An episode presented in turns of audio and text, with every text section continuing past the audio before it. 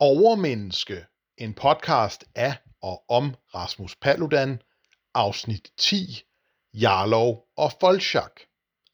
Velkommen til afsnit 10 af Overmenneske. Mit navn er Rasmus Paludan, og jeg er et overmenneske. I afsnit 9, der gennemgik jeg en række hændelser i foråret 2017, hvor jeg både ved Folkets Hus og ved Ungdomshuset blev udsat for forskellige grader af kriminalitet, dog må man sige, at det kun var foran Folkets Hus, at det for alvor blev voldeligt. Ved Ungdomshuset på Dorteavej, der var Københavns Kommune og Københavns Politi forberedt ikke på at beskytte mig, men på at krænke mig og demokratiets rettigheder, sådan at jeg slet ikke kunne komme ind i gården til Ungdomshuset. Og det er jo faktisk der, jeg nu vil fortsætte i det spor, for jeg var jo ikke den første borgerlige politiker, som blev udsat for den slags krænkelser, kan man sige. Jeg er jo konservativ libertarianer, det vil sige, jeg er en libertarianer på den konservative del af det libertarianske spektrum, og så er jeg jo også øh, nationalist. Og øh, en anden person, som også er højorienteret, det er øh, Rasmus Jarlov, medlem af Folketinget for det konservative Folkeparti, også kortvarigt minister. Det er han ikke længere, fordi nu har vi jo en mærkelig regering bestående af tre partier, hvor jeg ikke rigtig ved, hvad de egentlig vil, men der kan jeg jo så sige, at det er ikke den eneste, der har det sådan, for der er jo faktisk ikke så mange efterhånden i landet, som ved, hvad MSV-regeringen egentlig har tænkt sig. Jeg kan sige, at denne podcast bliver optaget den 26. april 2023, så det er jo nu, at man har indset, at denne regering er den regering, der hurtigst, kortest mulig tid i mands minde er blevet ekstremt upopulær. Selv Slette Mette, eller Minkdræber Mette, eller hvad hun ellers hedder, Porno Mette plejer jeg at kalde hende, fordi hun på et tidspunkt blev valgt, fordi hun stod på valgplakater nøgen med en rød badebold foran sit køn.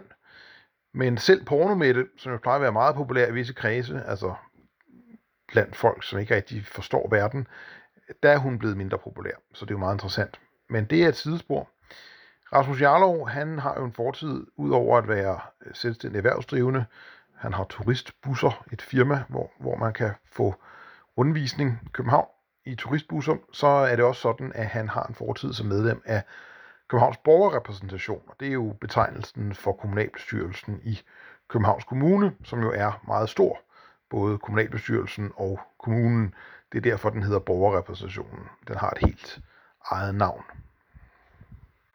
Mandag den 7. juli 2008, der forsøgte Rasmus Jarlov sammen med en anden person fra det konservative Folkeparti, der også var medlem af borgerrepræsentationen, nemlig Jakob Nessager, at få adgang til mandagsmødet i ungdomshuset, og der blev de fuldstændig afvist fysisk, skubbet i ryggen og fik kastet vand på sig. Og derfor kan man sige, at når jeg adskillige år senere forsøgte at øh, få adgang til mandagsmødet i ungdomshuset også blev afvist, så er det jo egentlig ikke så mærkeligt, fordi der er jo simpelthen tale om, at skatteyderne i Københavns Kommune pumper 4 millioner kroner årligt i øh, henholdsvis øh, ungdomshuset og øh, Folkets Hus. De har et samlet tilskud kommunalt på cirka 4 millioner, som går til den her fond, som øh, Knud Folchak han bestyrer. Og det, som jeg egentlig øh, også synes er interessant her, det er, at øh, man opgiver jo, altså Rasmus Jarlov har jo tydeligvis opgivet at gøre noget ved, at øh, skatteborgernes penge går til øh, voldelige mennesker, der forhindrer anderledes tænkende at få adgang til to kommunale ejendomme. Og øh, det gælder åbenbart også Jakob Nessager. Så der er ikke rigtig nogen borgerlige i øh, borgerrepræsentationen, der kæmper for, at det, der står i driftsaftalen mellem fonden og kommunen, også skal holdes. For det fremgår blandt andet af en artikel fra Jyllandsposten den øh, 8. Juli 2008, at øh, fonden har forpligtet sig til, at alle kan få adgang uanset tilhørsforhold. Og der må jeg bare sige, at jeg har jo også prøvet i årenes løb, det var ikke kun i 2017, at jeg prøvede at få adgang til ungdomshuset på Dorteavej. Men det er jo bare tilbagevendende, at øh, til sidst så giver man op, fordi det er simpelthen en mur af modstand. Og det er jo et spørgsmål om, at man heller ikke som idealist og politiker vil bruge så meget energi på nogen, som har så stor magt. Og den her kapitalist, som jeg kommer til at tale ret meget om i det her afsnit, som hedder Knud Folchak, han er jo på mange måder et meget, meget usympatisk menneske. Og det er ikke kun fordi, han er socialist, for det kan man sådan set stille spørgsmålstegn ved, om han er. Han er jo i hvert fald kapitalist. Hans forældre havde rigtig mange penge og ejede et øh, rederi, hvor at de jo så øh, tjente mange penge på det. Det hed øh, Vikingbådene, og hans far, som også hed Knud Folchak, havde simpelthen øh, købt det første øh, skib med øh, penge fra den rige mor til Knud Folchak, Ines Johansen. Så øh, Knud Folchaks far, Knud Folchak, lånte altså penge fra sin hustru Ines Johansen til den første øh, færge i, øh, i vikingbådene. Og øh, der har Knud Folchak også selv været involveret, og derfor øh, synes jeg, det er relevant at påpege, at Knud Folchak, som jo er, nu citerer jeg Jens Christian Nytken, venstrefløjens hofadvokat. Og det tror jeg sådan set er meget rigtigt. Han er jo også meget, meget aktiv advokat for Christiania blandt andet. Venstrefløjens hofadvokat Knud Folchak er jo selv gennem hele sit liv en brændende kapitalist. Og ikke nok med, at han er en øh, brændende kapitalist, han er jo også en meget dygtig kapitalist. Og nu har jeg jo sagt, og det er jo en ærlig mening, at jeg ikke bryder mig om ham, men det ændrer jo ikke på, at han er jo dygtig. Han har fået et stort advokatkontor, altså rimelig stort, mellemstort advokatkontor op at stå. Han har jo tjent styrtende med penge, millioner, på at være venstrefløjens, socialisternes hofadvokat. Han sidder jo som formand i et utal af bestyrelser i erhvervsdrivende virksomheder. Og der må man jo bare give ham, at det er da utroligt dygtigt for det første at, at blive så aktiv en erhvervsmand, men for det andet at blive så aktiv en erhvervsmand på socialisters penge. Det kræver jo både en indsigt i erhvervslivet, men så sandelig også en indsigt i, hvordan socialister og venstrefløjen tænker. Og øh, det man kan sige, det er, at øh, deres egen økonomiske indsigt er jo heller ikke at fornægte, men jeg tror, Knud Folchak han har en bredere økonomisk indsigt, end venstrefløjen har. Og når jeg siger det, så er det fordi, Knud Folchak tydeligvis har en meget stor viden om øh, fonde og selskabskonstruktioner. Det er meget det, hans øh, advokatgærning går ud på. Det er ikke så meget det, man hører om i medierne. Der hører man mere om, at han prøver at redde forskellige øh, terroristers børn fra lejre i øh, Kurdistan og tilsvarende. Her taler han naturligvis om den sag, øh, der fortsat øh, pågår, hvor at der er forskellige danske statsborgere, som er i øh, Al-Rosh-lejren, eller den anden lejr, som øh, kurderne har i forbindelse med, at de vandt over islamisk stat. Og øh, problemet her er, at nogle af de børn danske statsborgere, men deres mødre er det ikke, blandt andet fordi mødrene har fået frataget deres danske statsborgerskab. Og der har altså været et problem med, at øh, regeringen ikke ville tage mødrene hjem, fordi øh, hjem er jo ikke øh, for nogen, der ikke er dansk statsborger, så er det jo ikke Danmark.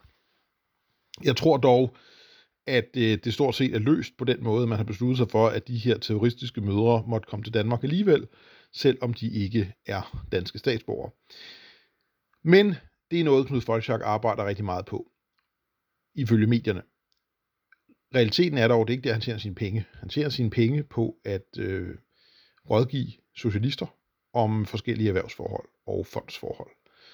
Og det synes jeg er imponerende, for det viser jo, at han har fundet en rigtig god niche, øh, en guldkalv.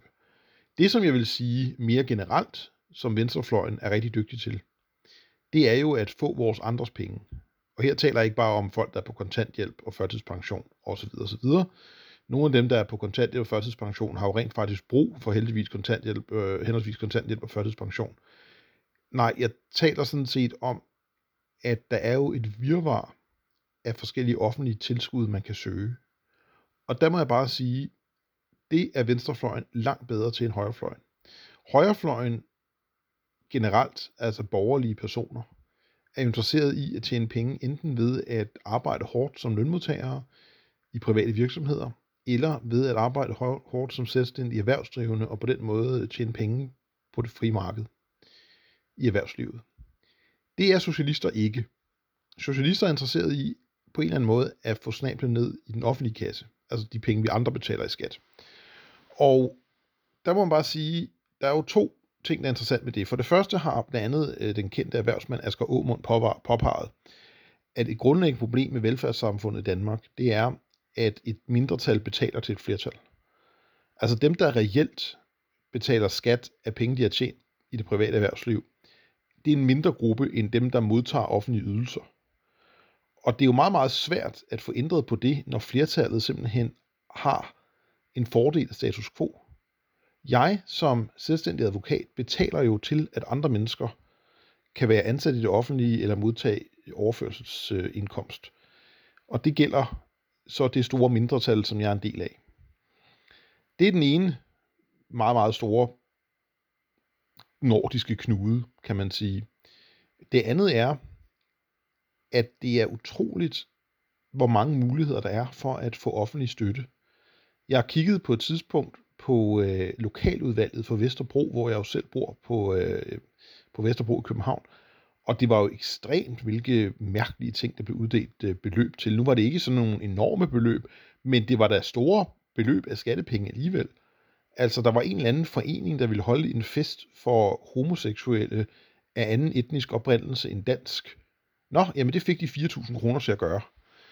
Øhm, det er ret utroligt, hvad man efterhånden kan få penge til, hvis man kender de rigtige veje i Danmark. Og det er der jo bare en, øh, en del mennesker, der gør. Og derfor må jeg sige, at jeg forstår udmærket Anders Fogh Rasmussen, da han ved systemskiftet 2001, hvor vi fik en VK-regering i Danmark efter mange års øh, socialdemokrater. Det var jo sådan i 90'erne, der havde vi en lang socialdemokratisk regering, øh, anført af Poul Nyrup Rasmussen. Der sagde han, at der var simpelthen råd og nævn, som var skudt op, som var fuldstændig overflødige, og det er rigtigt. Men det var jo ikke det eneste problem. En andet problem, det er jo simpelthen, at der er alle mulige NGO'er, kalder man dem, som får offentlige midler, hvor man kan sige, jamen altså, er det ikke bedre, at I bare er, er medlemsbetalt? Er det ikke sådan, at I på lige vilkår med alle andre må søge om at få donationer fra almindelige borgere i Danmark? Og hvis der er nok, der vil støtte jer, så bliver det sådan, og hvis ikke, så ikke. Og det er jo en ret absurd situation i virkeligheden, fordi det betyder jo, at de her foreninger kan arbejde med deres særlige politik for alle skatteydernes penge. Og jeg har nævnt det i en tidligere podcast, men jeg kan nævne det igen. Der var den her øh, paraplyorganisation for alle handicaporganisationer i Danmark, som jo er i bund og grund finansieret af skattepenge. Af forskellige kanaler finansieret af skattepenge. Som jo gik ud og sagde specifikt, fuldstændig i strid med sandheden, at jeg ville sende handicappede i lejre, og derfor anbefalede de at stemme på alle andre end stram kurs. Det er jo meget muligt, det kostede os valget, at det var grunden til, at vi manglede 7.000 stemmer og ikke kom i Folketinget. Hvem ved? Og det vil altså sige, at det er simpelthen folk, der er betalt af skattepenge, der på den måde får lov til at blande sig i øh, valget, i den politiske proces. Det er jo noget demokratisk helt forstyrret ved. Og det er jo ikke det eneste, for der findes jo så mange forskellige foreninger af den art. Red Barnet for eksempel er jo en dybt venstreekstremistisk forening, som jo blandt andet har fremført nogle fuldstændig absurde beskyldninger mod mig om, hvordan jeg taler med unge mennesker. Jeg skal sige, at der ikke er nogen unge mennesker, der nogensinde har beklaget sig over, hvordan jeg taler med dem øh, eller til dem. Øh, det er åbenbart kun noget Red Barnet kan se et problem i. Men det er jo også en ekstremt venstreorienteret forening, som også får offentlig støtte i millionklassen. Det er helt absurd. Og jeg har selv oplevet noget lignende på egen krop, så at sige. Nu har jeg oplevet meget på egen krop, også i forhold til de her foreninger, fordi både Red Barnet og den her handicap paraplyorganisation er jo også noget, som direkte har rettet sig imod mig. Men øh, før jeg blev politisk aktiv, der øh, tilbød jeg, og det var mens jeg stadigvæk var advokat, eller det er jeg stadigvæk, men mens jeg ikke var politiker, men var advokat. Altså i starten af min tid som advokat. Der deltog jeg i et informationsmøde hos Ungdommens Røde Kors, fordi de havde fået offentlig støtte til at finde forskellige voksne, som kunne være mentor for et barn med behov for en mentor. Altså en voksen støtteperson i virkeligheden. Et frivilligt stykke arbejde, hvor man skabte en relation til en ung, som havde godt af at tale med en voksen og gå ture og til bowling og hvad man nu ellers gør, og få, få noget retning i livet. Man kan så sige, hvem har ikke brug for retning i livet? Det er der på børn, unge og voksne, der i den grad har brug for. Jeg vil gå så langt som at sige, at der er muligvis også en del ældre, som kunne have brug for retning i livet. Men det bestemmer de i bund og grund selv. Jeg meldte mig så og var til formøde og øh, skulle så på sådan et kursus. Og så modtager jeg en e-mail fra hende, der skal holde det her kursus ved øh, Ungdommens Røde Kors, som bare skriver, nej, det må du simpelthen ikke, fordi du har holdninger, som simpelthen strider imod, hvad vi mener i Ungdommens Røde Kors, så du kan ikke få lov til at deltage og blive mentor. Hvilket jo er problematisk på så mange områder, for det betyder jo reelt, at det er de politiske holdninger, som hun har, som bestemmer, hvem der må blive mentorer. Og det betyder jo så, at det åbenbart kun er socialister og folk, der godt kan lide det radikale venstre, som får lov til at blive mentorer, og som kan påvirke børn og unge i den retning. Dybt, dybt problematisk. Det burde jo være sådan, at man er politisk blind, når man er i Ungdomsrød Kors, og giver en bred palette af muligheder for at vælge en mentor. Men sådan var det altså ikke. Så de to problemer er der helt klart. Altså det ene, det jeg vil kalde for Asger Aumund problemet, nemlig at et mindretal betaler til et flertal i det danske samfund. Mindretallet dem, som er på det private arbejdsmarked, flertallet dem, der enten er på ydelser eller ansat i det offentlige. Og det andet problem, at der er så utrolig mange måder, hvorpå man som venstreorienteret kan få snablen ned i de offentlige kasser. Enten ved at søge enkelt tilskud til forskellige kulturelle aktiviteter, eller ved at søge om, at ens forening skal have faste tilskud, eller ved at komme på finansloven, eller ved at søge dufmidler. Der er så mange muligheder. Og det er også derfor åbenlyst, og det har de fleste muslimer i Danmark fundet ud af, fordi islam er jo ligesom kommunisme og socialisme kollektivistisk ideologi. Og det vil sige, kollektivistisk ideologi, det er for folk, der godt kan tænke i, hvordan man får snablet ned i andres kasser, altså får penge fra andre, og ikke tænker så meget på individet. De har forstået, muslimerne i Danmark, at hvis man gerne vil have penge, så i stedet for at registrere sig som en moské, så skal man registrere sig som en kulturel forening.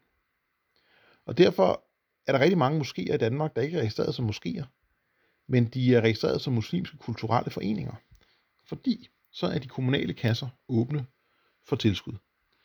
Og det vil altså sige, det er alle os ikke-muslimer, der betaler for, at muslimer kan mødes i deres moskéer, som jo så åbenbart officielt er kulturelle foreninger, og udbrede det had, som islam har. Og jeg vil gerne komme ind på i en senere podcast, hvad det er for noget had, islam har.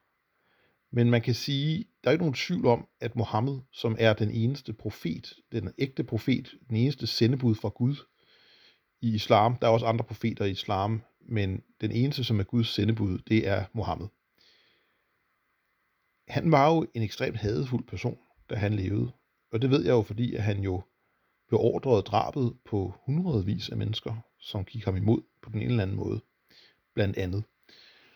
Og hvis man læser Koranen og læser Hadith, så kan man jo se, at der er en enorm mængde had over for ikke-muslimer.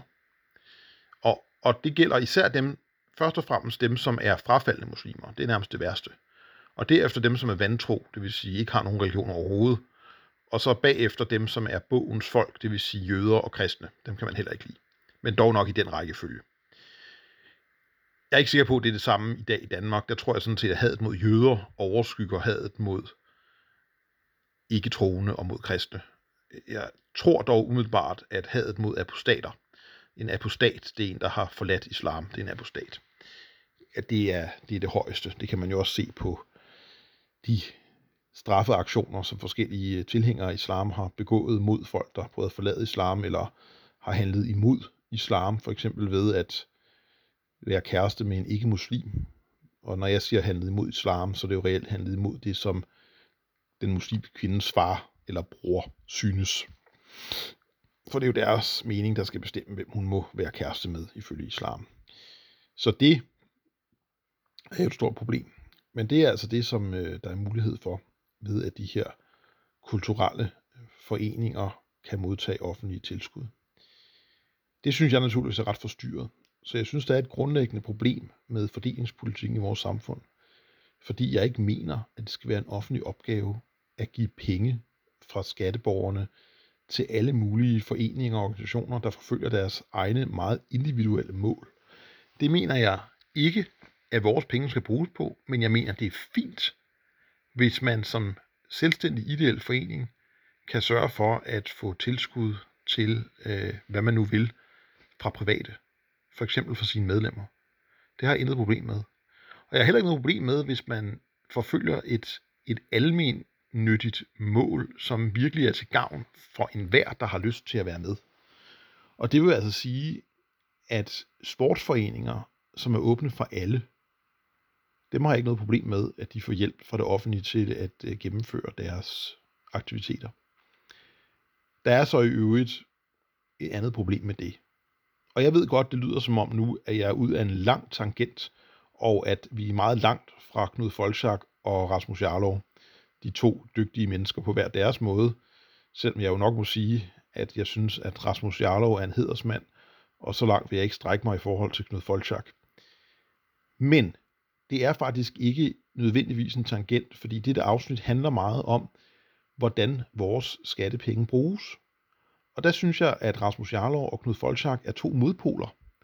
Den ene, Rasmus Jarlov, en selvstændig erhvervsdrivende på det private erhvervsliv, der handler for at vise, både i ord og gerning, at den måde, man skaber lykke og velstand på i et land, det er at skabe vækst og at agere på det frie marked. Og den anden, en person, der er ekspert i, hvordan man får fat i offentlige midler ved at lave fonde og rådgive omkring, hvordan man får snablet ned i offentlige kasser. Så på den måde er to modpoler. Dog vil man så sige, at de begge to jo på sin vis er succesrige selvstændige erhvervsdrivende. Det er det, jeg siger om Knud Folchak. At selvom jeg ikke er stor fan, øh, så vil jeg på ingen måde beklikke hans evne til at øh, agere som en succesrig erhvervsmand. Og det kan jeg roligt sige, den ros giver med glæde, fordi det udstiller jo, alle de her socialister, der er så stor fan af ham, måske ikke helt har forstået, hvad han i virkeligheden er. Så det er sjovt. Jeg ved godt, jeg har sagt før, det er sjovt, men det er stadigvæk sjovt. Men nej, det som jeg synes er værd at nævne omkring øh, offentlige øh, idrætsforeninger, altså idrætsforeninger, som jo ikke er offentlige, men som er private, men modtager offentlige midler, og som reelt ikke kan fungere uden, det er jo, at der kan også være et problem. Og der kan problemet jo også være, at den frie adgang ikke er så fri alligevel. Og det har jeg jo selv oplevet, øh, fordi jeg jo øh, må indrømme, at selvom jeg virkelig nyder at spille undervandsrugby, jeg synes, det er en dejlig sport, så det her med, at man kun modtager offentlig støtte, hvis man er åben for alle, det er jo ikke helt er sandt. Og, og nu skal jeg understrege, at der er ikke nogen miner her. Fordi jeg har haft fremragende oplevelser både i Amager UV, som er en undervandsrugbyklub på Amager, og i, i PI, som er politiets idrætsforening, som på et tidspunkt spillede undervandsrugby i Østerbro svømmehal. Det gør de mig bekendt ikke længere. Nu tror jeg også, at i de senere år har Østerbro svømmehal været igennem gentagende renovationer eller istandsættelser. Men jeg kan da sige, at jeg begyndte kortvarigt at spille i Amager UV undervandsrugby, og fik efter et stykke tid, og det tror jeg ikke var mere end tre måneder, at vide, at nu havde jeg prøvet det, men jeg var ikke dygtig nok til at kunne fortsætte der, så jeg måtte øh, finde en anden klub. Og der blev jeg så henvist til AUG, Akademisk Undervandsgruppe, som heldigvis ikke var lige så kredsen i forhold til, hvem der kunne være med. Det er naturligvis ikke lovligt, fordi grundlaget for, at Amager UV kan få offentlig tilskud og benytte Frankrigsgade svømmehal for Københavns Kommunes skatteborgers penge, det er, at de er åbne for alle. Og det vil sige, de må ikke vælge, at det skal være kun dem, der er dygtige nok, der må være medlem. Det kan selvfølgelig være en udfordring, hvis man ikke er særlig dygtig at spille blandt en hel masse, der er dygtige, men det er jo det individuelle problem, man så må håndtere. Og det må klubben også håndtere. Så det er et andet problem, der kan være. Og øh, hvis jeg skal glæde mig over noget der, så er det jo, at jeg har prøvet at blive afvist af en del foreninger i årens løb. Mest efter jeg blev kendt som politiker ved at understrege. Og derfor er jeg jo lidt glad for, at Amager UV afviste mig ikke, fordi de ikke kunne lide min person.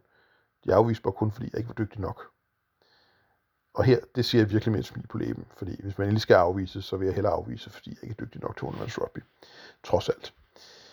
Men jeg havde nogle gode måneder i Amager UV, må jeg sige. Det var en, øh, en tid, hvor jeg tog bussen til Frankersgade, og altid havde købt en Jolly Cola halvliters i Aldi. Det var ligesom min præmie efter den her hårde, hårde træning, som jeg synes, det var i, øh, i Amager UV. Det kan være ret overvældende øh, i starten. I hvert fald var det det for mig, at dyrke undervandsrugby. Bare det at komme ned på det dybe vand, kan jo være en, en, en udfordring. Og lidt det samme øh, skete jo så faktisk i politiets øh, undervandsrugby klub, hvor jeg også øh, trænede en del, men øh, fik at vide, at jeg kunne ikke melde mig ind, fordi jeg simpelthen ikke var øh, dygtig nok. Til gengæld kan jeg så sige, at øh, i årenes løb var der ikke nogen problemer med øh, for mig eller andre, som ikke var medlemmer af PI, at øh, komme øh, som gæster hver uge og deltage i deres øh, træning, hvilket formentlig også har noget at gøre med, at øh, flere af de her underlandsrugbyklubber faktisk øh, ikke øh, havde så voldsomt mange medlemmer, så det var jo altid en god hjælp lige at have et par ekstra, der dukkede op, sådan at man i hvert fald kunne stille med øh, øh, ordentlige hold, fulde hold mod hinanden til øh, træning. Så det mest øh, morsomme eller ironiske med det, det er jo, at den øh, dygtigste af alle klubberne, nemlig øh, sportsdykkerklubben Flipper, som øh, trænede på Bellerhøj svømmestadion, de faktisk ikke smed mig ud øh, for at øh, være øh, på for lavt et niveau. Hvilket jeg synes er interessant, fordi jeg har nævnt i en tidligere afsnit af podcasten, at øh, Flipper havde en ekstremt elitær øh, klubkultur, hvor at det var lige meget, om man var dumt svin. Hvis man var dygtig, så øh, rangerede man øh, højt. Men øh, der valgte jeg så selv at forlade øh, øh, Flipper efter diverse, hvad kan man sige, uoverensstemmelser. Men altså, jeg vælger at se det positivt, at jeg havde faktisk nogle gode år i Flipper med masser af positive oplevelser. Så øh, det er nok øh, det, jeg tager med mig derfra, at, øh, at til trods for, at de var meget elitære, og til trods for, at øh, jeg bestemt ikke øh, levede op til det niveau, som var Flippers øh, gennemsnitlige niveau, så øh, blev jeg eller andre altså ikke øh, smidt ud, fordi vi ikke var dygtige nok. Så det synes jeg sådan set er, er ret sympatisk. Og øh, så øh, fortsatte jeg jo så med at træne i, øh, i AUG på, øh, på Østerbro. Østerbro svømmehal er en enormt øh, smuk øh, svømmehal. Og så vil jeg så også sige, at øh, der er jo adskillige klubber rundt omkring i øh, hovedstadsområdet, hvor jeg også periodisk har, har gæstetrænet. Og, øh, og, og nu vil jeg helst ikke, hvad kan man sige, nævne dem med navn, fordi så risikerer man bare, at de bliver udsat for negative øh, konsekvenser. Det tror jeg ikke, men hvem ved. Så øh, jeg vil i hvert fald sige, at der, der er en hel masse gode, rare mennesker, jeg har mødt øh, i undervandsrugby-miljøet. Det er heldigvis de fleste, eller for at sige det endnu mere øh, præcist, det er næsten dem alle sammen, der har været flinke og rare. Og øh, selvfølgelig kan man en enkelt gang eller to komme ud for nogen, hvor kemien er dårlig, men altså, jeg synes, at i det store hele, så er, øh, at det er positive oplevelser, jeg har haft, og øh, det er jo også meget øh, det, som definerer øh, den måde, øh, mænd er venner med hinanden på, at de typisk i stort omfang er venner med hinanden på grund af en fælles aktivitet. Og, øh, og der har jeg altså øh, fået nogle, nogle fine venner i undervandsrugby-miljøet, og også mødt rigtig mange øh, personer, som gerne ville være øh, frømænd i frømandskorpset, fordi der anbefalede frømandskorpset øh, potentielle aspiranter at dyrke noget undervandsrugby, så man kunne blive fortrolig med øh, at være nede på det dybe vand osv. Og af alle dem, jeg har mødt, som har prøvet at blive frømand, er det så kun to, som rent faktisk er blevet frømand. Men øh, det er jo selvfølgelig også et, øh, et nåleøje, som kan være svært at komme igennem. Så det er jo en øh, fornøjelse, og jeg kan da sige, at den ene af dem har jeg også været på roadtrip med i øh, USA. Så, så det øh, var et sidespor, men alligevel øh, relevant at påpege i forhold til, at øh, Danmark er ikke Forenings Danmark uden ting, der skal gøres anderledes, og, og det er generelt et problem, at øh, alt det her med at få snablen ned i offentlige kasser, det er øh, socialister og venstreorienterede generelt, de progressive, bare meget, meget øh, bedre til. Bare det, at man for eksempel som, som dansker måske har lyst til at give en donation til en forening, en velgørende forening, der er der jo nærmest intet, man kan donere til med skattefradrag, som man, man kan, hvis det er sådan højorienteret. Men der er jo, der er jo en uendelig liste af venstreorienterede foreninger, som man kan øh, donere til med skattefradrag. Det er jo sådan, at man kan som minimum årligt trække 15.000 kroner fra i skat. Det vil sige, at hvis man giver 15.000 kroner eller et beløb lavere end det til øh, en, en øh, velgørende forening, så er det øh, skattefrit. Så skal man ikke betale skat af det beløb. Og, øh, og der har jeg jo faktisk selv øh, stiftet sammen med andre en forening, som skal være en forening for højorienterede, der gerne vil benytte sig af den øh, skattefordel. Øh, og den forening har det, synes jeg selv, meget fantastiske navn, Danskernes Lykke. Og øh, den forening har jo som formål at give bidrag til for eksempel danskere, der bliver udsat for fornedringsrøverier, eller bliver truet, eller overfaldet, eller voldtaget og lignende, hvis øh, de har brug for for eksempel øh, psykologhjælp, eller på anden måde er kommet økonomiske vanskeligheder. Og øh, det er noget, jeg vil tale om i et senere podcast-afsnit også, for det er virkelig et behov, der er, synes jeg. At der også er en økonomisk mulighed for, at dem, der har penge på højrefløjen, kan samle de midler til øh, gode almindelige formål. Men for at øh, vende tilbage til det, som øh, dette afsnits titel jo refererer til, nemlig Jarlov og Folchak, så må jeg sige, at øh, dem, der har set det interview, jeg foretog med øh, den udmærkede Jens Christian Lytken foran ungdomshuset på Dorteavej, vil jo så være klar over, at det han allerede kunne fortælle i 2017, det var, at øh, Fonden Jagtvej 69 bestyrer ungdomshus på Portervej og får 2 millioner om året af Københavns Kommunes borgeres penge, uden at Knud Folchak rigtig kan redegøre for, øh, hvad de egentlig bliver brugt til. Og fonden De Åbne Rum får også 2 millioner om året, og det er altså 2017 beløb, så det er sikkert mere nu, kunne jeg forestille mig, for at øh, administrere Folkets Hus, Stengade på øh, Indre Nørrebro, også uden at der rigtig kommer nogen redegørelse fra Knud Folchak omkring, hvad de penge bliver brugt til. Også skatteborgernes penge i Københavns Kommune. Det er jo ret utroligt, at skatteborgerne accepterer det, men det er selvfølgelig fordi, en overvældende grad af stemmerne, altså dem, der stemmer i Københavns Kommune, det er jo dem, der modtager penge fra os andre. Og det er jo folk, der stemmer på øh, enhedslisten. Der er jo en helt absurd stor procentdel af borgere i Københavns Kommune, der stemmer på enhedslisten, og Socialdemokratiet, og SF og Radikal Venstre. Alle sammen partier, som jo er, må man nok sige, ret ødelæggende for al menneskelig lykke. Men selvfølgelig ikke, hvis man er doven. Det må man jo bare huske på, at de her partier er jo fremragende partier at stemme på, hvis man er meget doven og dum.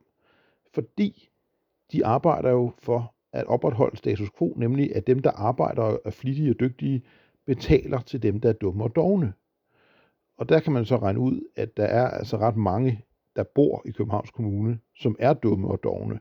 Men hvis man er i tvivl, kan man bare køre gennem Nørrebro og få det bekræftet især på den ydre del af Nørrebros runddel. Men jeg tænkte, at nu havde Jens Christian Lytgen fortalt lidt omkring Knud Folchak og Folkets Hus og Ungdomshuset på Dorteavej, men eksperten måtte da alligevel være Rasmus Jarlov, som jo i sin tid som medlem af Københavns Kommunes borgerrepræsentation havde oplevet det samme som mig, nemlig voldelige overfald fra de her autonome. Og derfor prøvede jeg at få kontakt med Rasmus Jarlov. Og før jeg går ind i, hvordan det endte, så vil jeg bare understrege, det er jo ikke sådan, at jeg ikke har prøvet at interviewe folk fra Enhedslisten og Socialdemokratiet og SF og det radikale. Jeg har ragt ud til alle partier i Københavns Kommunes borgerrepræsentation for at øh, interviewe dem. Men det nyttede jo bare ikke, fordi de venstreorienterede vil ikke lade sig interviewe, fordi de får jo svært ved at svare fornuftigt på, hvorfor man skal bruge skatteborgernes penge på det her. Jens Christian Lytken kunne jo forsvare sig med, at det var sandelig ikke ham, der stemte for det, og det var det jo heller ikke.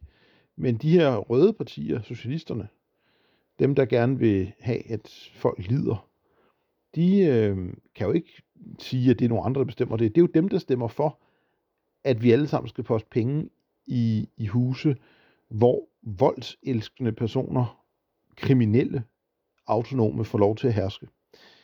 Og i Folkets Hus tilfælde var det jo så også i en lang periode, som jeg har fortalt om tidligere, øh, faktisk banden Loyal to Familia, der bestemte. Så det er jo nok derfor, tænker jeg, at de øh, venstreorienterede ikke er interesseret i deres interview af mig i 2017 eller i øvrigt senere.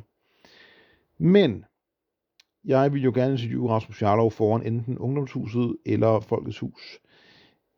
Jeg kunne så forstå på en af hans assistenter, at det kunne ikke lade sig gøre. Nu er det sådan, at man har jo lidt sekretærbistand, når man er medlem af Folketinget, og det var Rasmus Jarlov allerede i 2017. Til gengæld så har Knud Folchak i mange år haft en personlig assistent. Det er jo virkelig millionær manerer i den grad, men det er jo fordi, han er ekstremt velhavende naturligvis.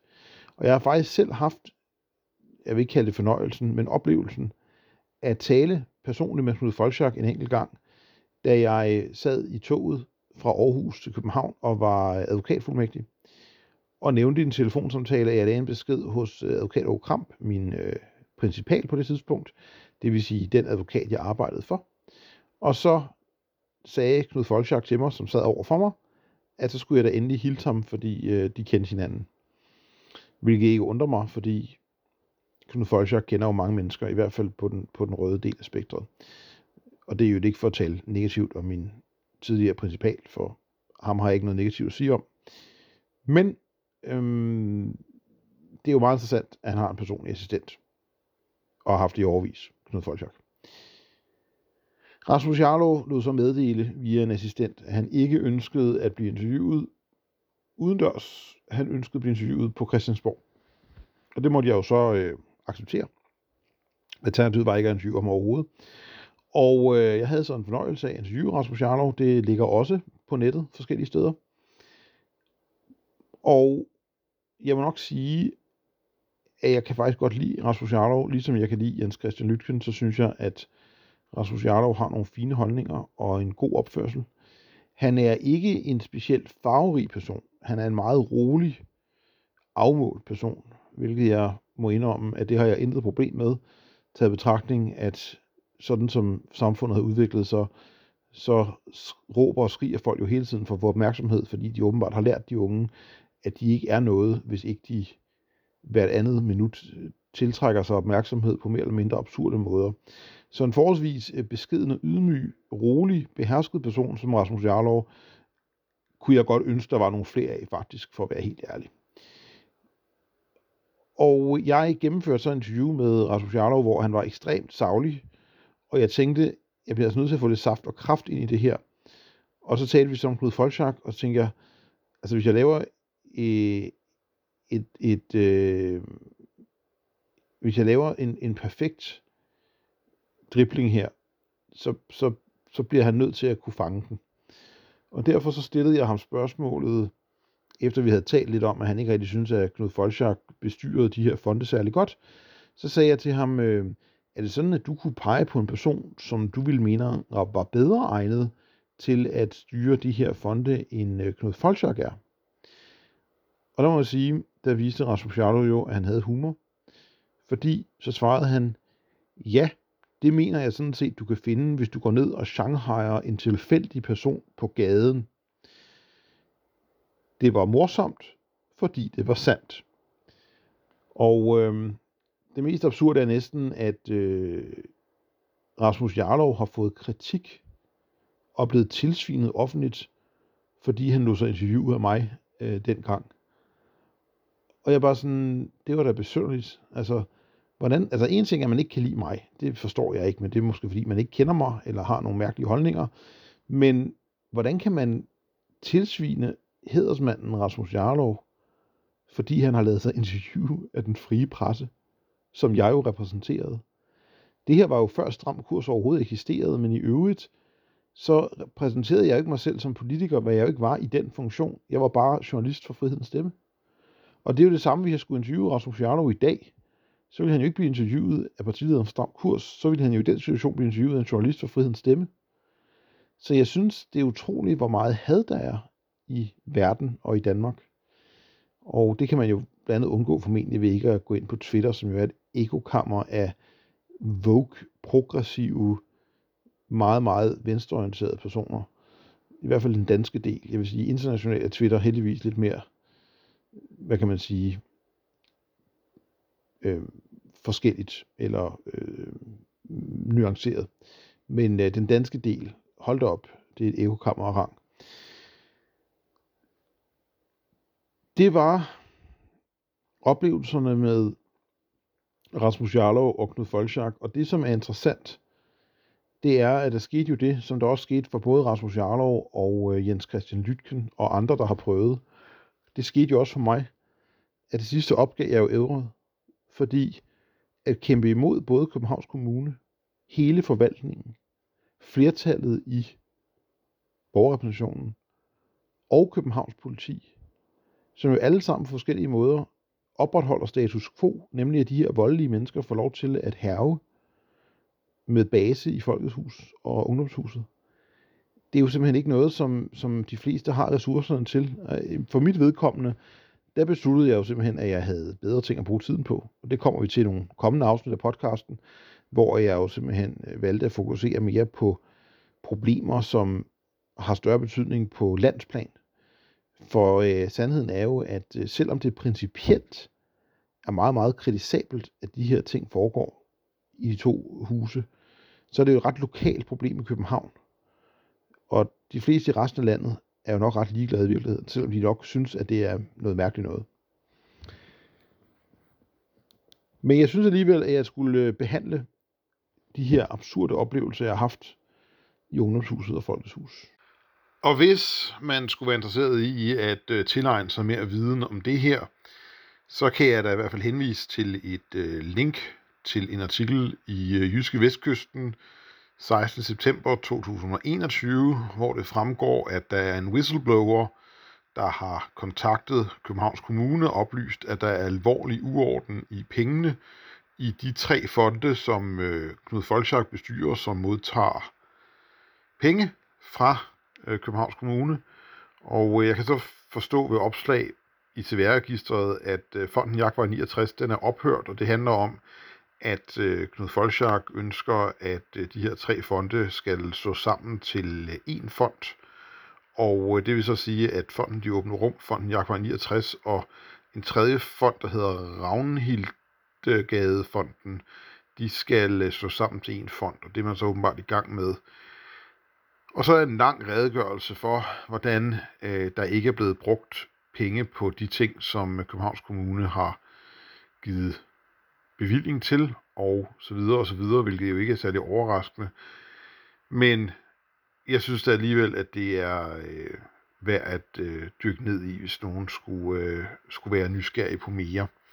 Og så er der en enkelt ting til, jeg bliver nødt til at nævne. Antifascistisk aktion er en venstreekstremistisk bevægelse, som i stort omfang gennem tidens løb har begået grove overfald og herværk på meningsmodstandere.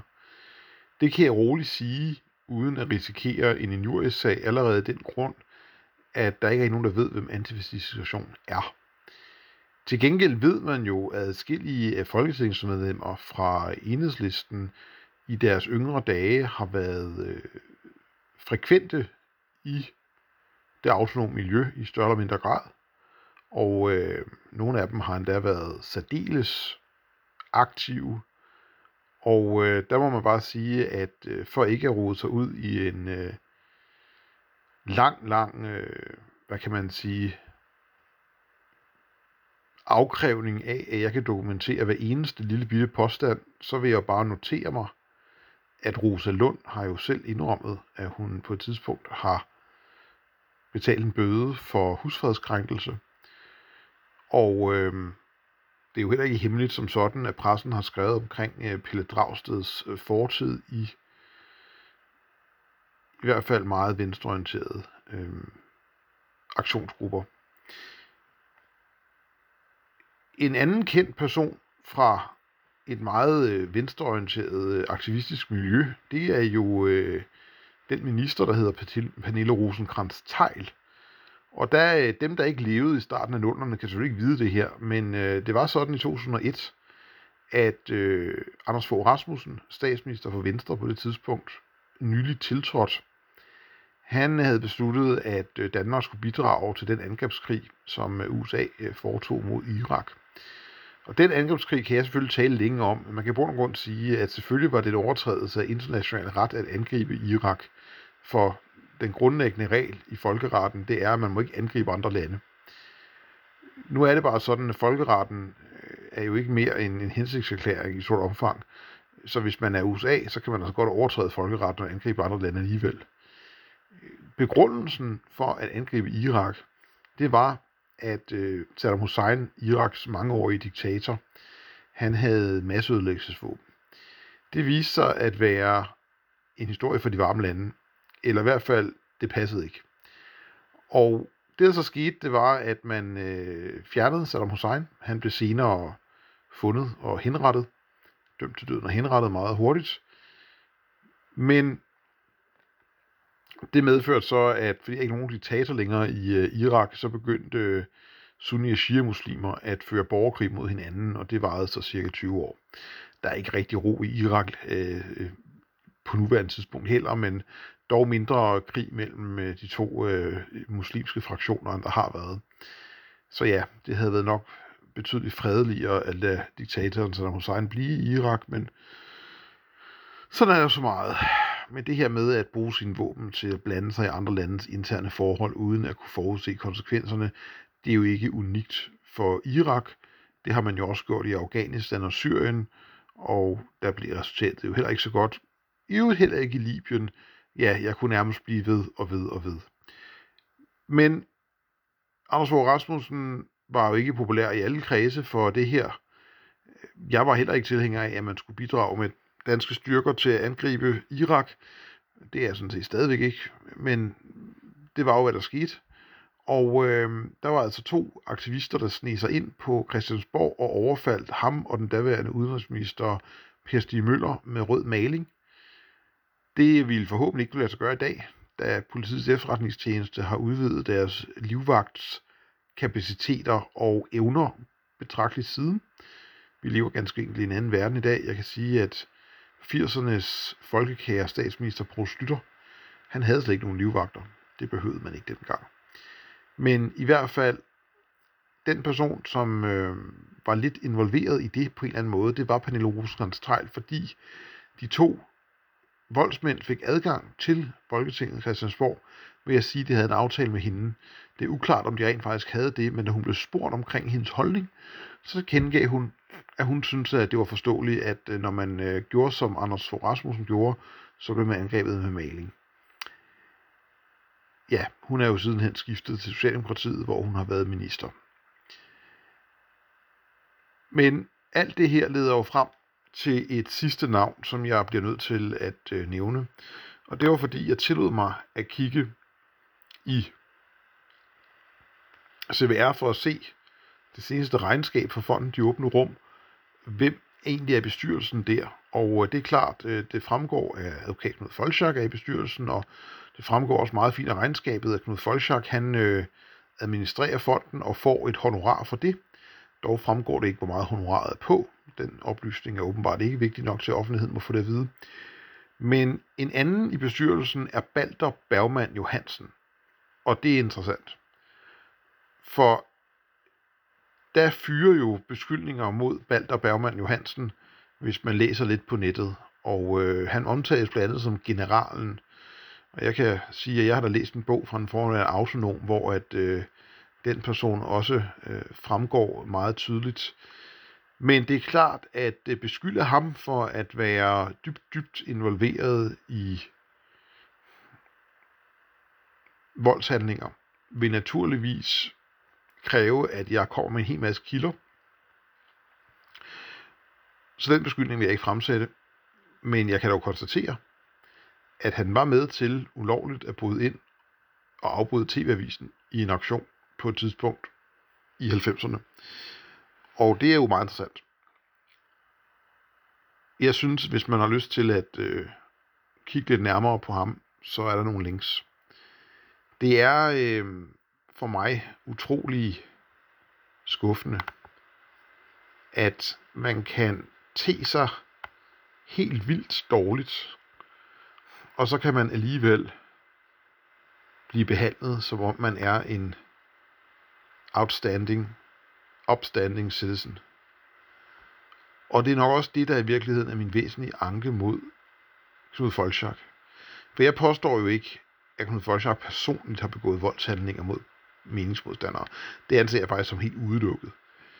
Men han omgås jo mennesker, som jeg ikke er i tvivl om, uden at jeg nævner nogen med navn, har gjort det. Og det oplever jeg særlig meget, når jeg en sjældent gang har kunnet bevæge mig ind på Christiania. Christiania, og det er her, den her ekstreme dobbeltmoral, hylderiet, ligesom skinner klarest igennem. Christiania tegner jo et billede af sig selv, som et eller andet øh, fredselskende, harmonisk regnbuelandskab, hvor alle er velkomne og lever i fred og fordragelighed. Men der er jo en lille tilføjelse, ja, hvis I mener som os. For ellers så er det jo ikke tilfældet. Der er også en lille tilføjelse, at det er jo helt åbenlyst, at der er meget, meget alvorlig organiseret kriminalitet på Pusher Street på Christiania. Et hashmarked for flere milliarder kroner muligvis, som på en eller anden måde er misket sammen med forskellige kristianitter. Det er jo derfor, det bliver ved med at være der. Og jeg kan jo sige, at uanset hvad man måtte mene om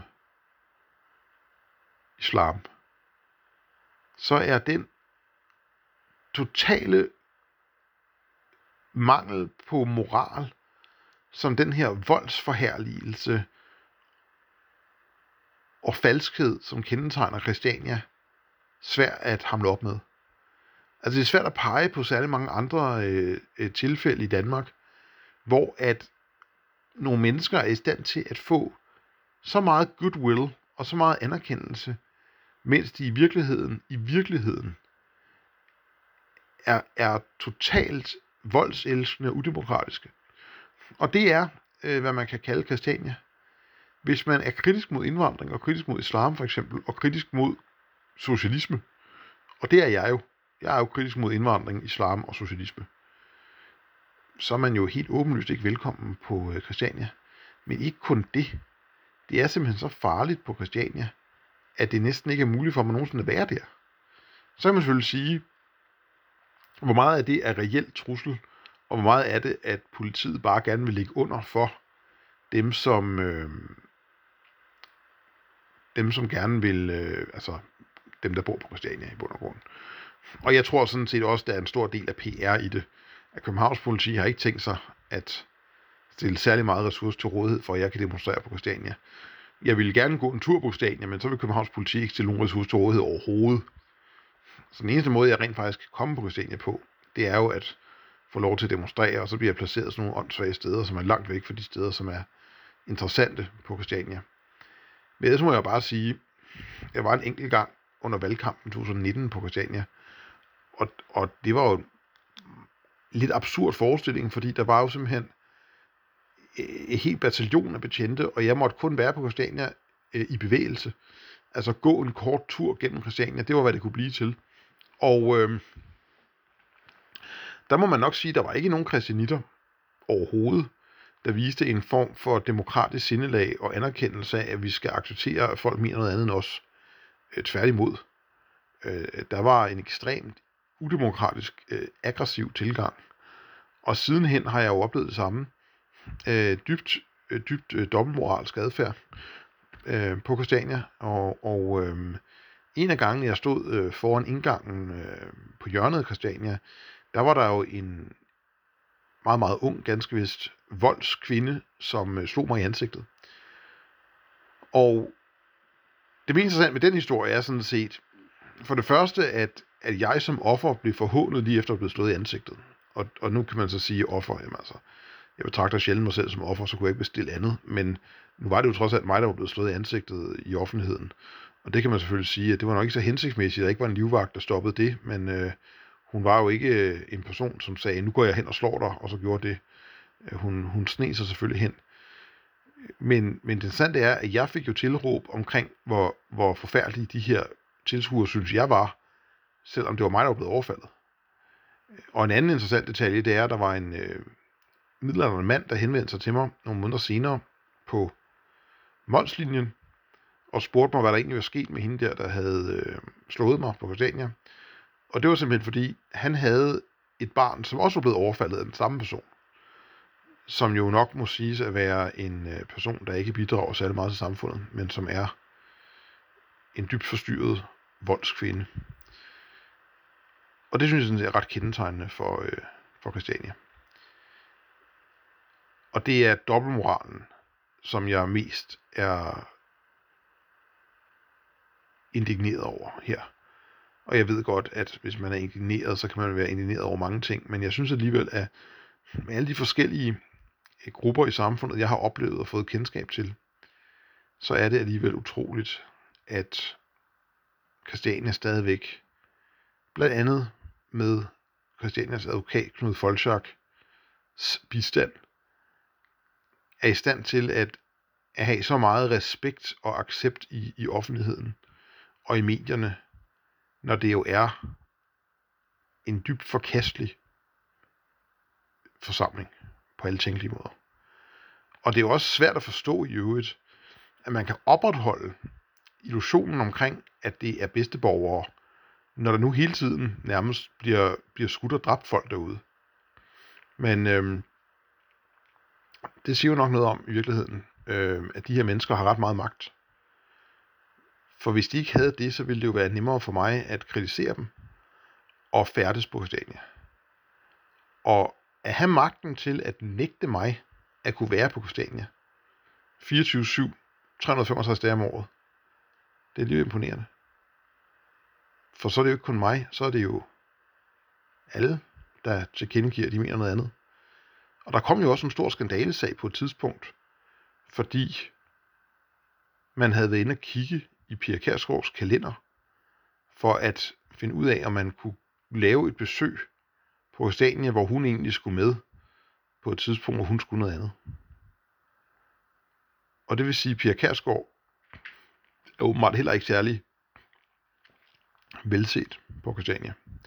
Dog vil jeg sige, at det vil være betydeligt nemmere for hende at komme der, end det vil være for mig. Så derfor er øh, det utrolig spændende at øh, undersøge den forløjethed, som kendetegner den yderste venstrefløj. Og øh, hvad det er for nogle mennesker, som øh, senere hen kommer ganske højt på strå. Det er utroligt, at man kan gå fra at sige, at det er fint, at en statsminister får kastet rød maling på sig i, i Folketinget, og så 20 år senere blive minister i en socialdemokratisk regering. Grunden til, at jeg synes, det er ret utroligt, det er fordi, tænk på, hvad man har beskyldt mig for. Man har jo talt om, at jeg måske ikke var egnet værdig til at være i Folketinget. Og jeg har det aldrig til øh, udtalt mig til fordel for, øh, for vold. Hverken politisk motiveret vold eller øvrigt. Men øh, ja, Pernille rosenkrantz teil hun øh, er samme kommet langt. Du har lyttet til Overmenneske, en podcast af og om Rasmus Paludan.